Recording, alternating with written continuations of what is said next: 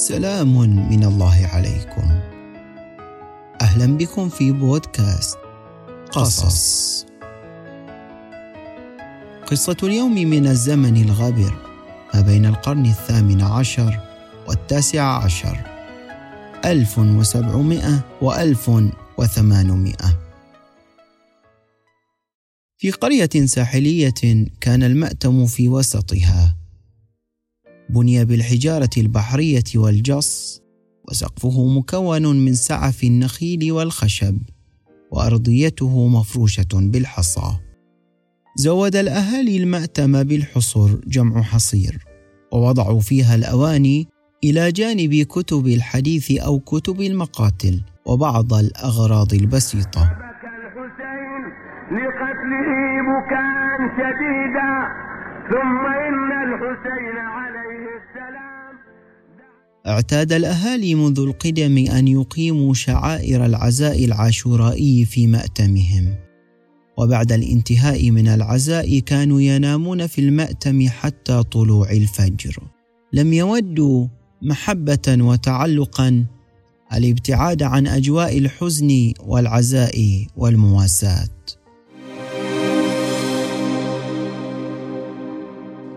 ذات عام كان الأهالي يبيتون كعادتهم في ليلة التاسع من المحرم في المأتم. يفترشون الحصى في ظلام دامس تحت ضوء القمر الخافت حيث لم توجد الإنارة والكهرباء بعد. هجمت مجموعة من قطاع الطرق على القرية. كان المعتدون يحملون الأسلحة النارية فنهبوا القرية وحاصروا المأتم وأطلقوا الرصاص. أطلقوا الرصاص على من كانوا في الداخل دون سابق إنذار. فقتل عدد من الرجال وأصيب بعض من كان بداخل المأتم.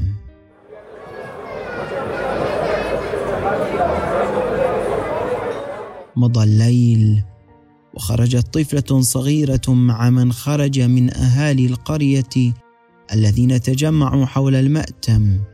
رأت الطفلة دماء الشهداء والجرحى تسيل من أسفل الباب إلى خارج المأتم في مشهد تقشعر له الأبدان.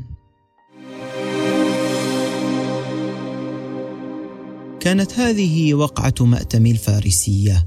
في القرية البحرينية التي هاجرها أهلها بعد العديد من الهجمات والغارات من قطاع الطرق من الخوارج العمانيين وغيرهم من المتنفذين الذين كانوا يركبون البحر ويهجمون على قرى المزارعين نهبا وقتلا.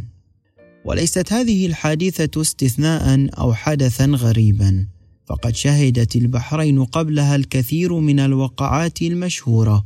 ولعل أبرزها وقعة كربلاء البحرانية التي وقعت في جزيرة النبي صالح حيث تعرض الخوارج إلى مدرسة الشيخ داوود الجزيري وهي مدرسة عرفت بتخريج الكثير من الفقهاء والعلماء. وقد هدمت بالمنجنيق على طلابها بأيدي الغزاة الخوارج العمانيين وقتل فيها قرابة ثلاثة وسبعون عالما. من قريتهم البحرية هاجر أهالي الفارسية إلى أرض الله الواسعة إلى قرى قريبة ودول أخرى بحثا عن الأمن والرخاء والسعة بعدما لاقوه من دمار وحروب في قريتهم التي أصبحت أطلال. اعتمد إعداد هذه الحلقة على كتاب دوحة الفارسية للباحث التاريخي جاسم العباس ومدونة سنوات الجريش. لا تنسوا نشر الحلقة بودكاست قصص إعداد وتقديم مرتضى الطالبي.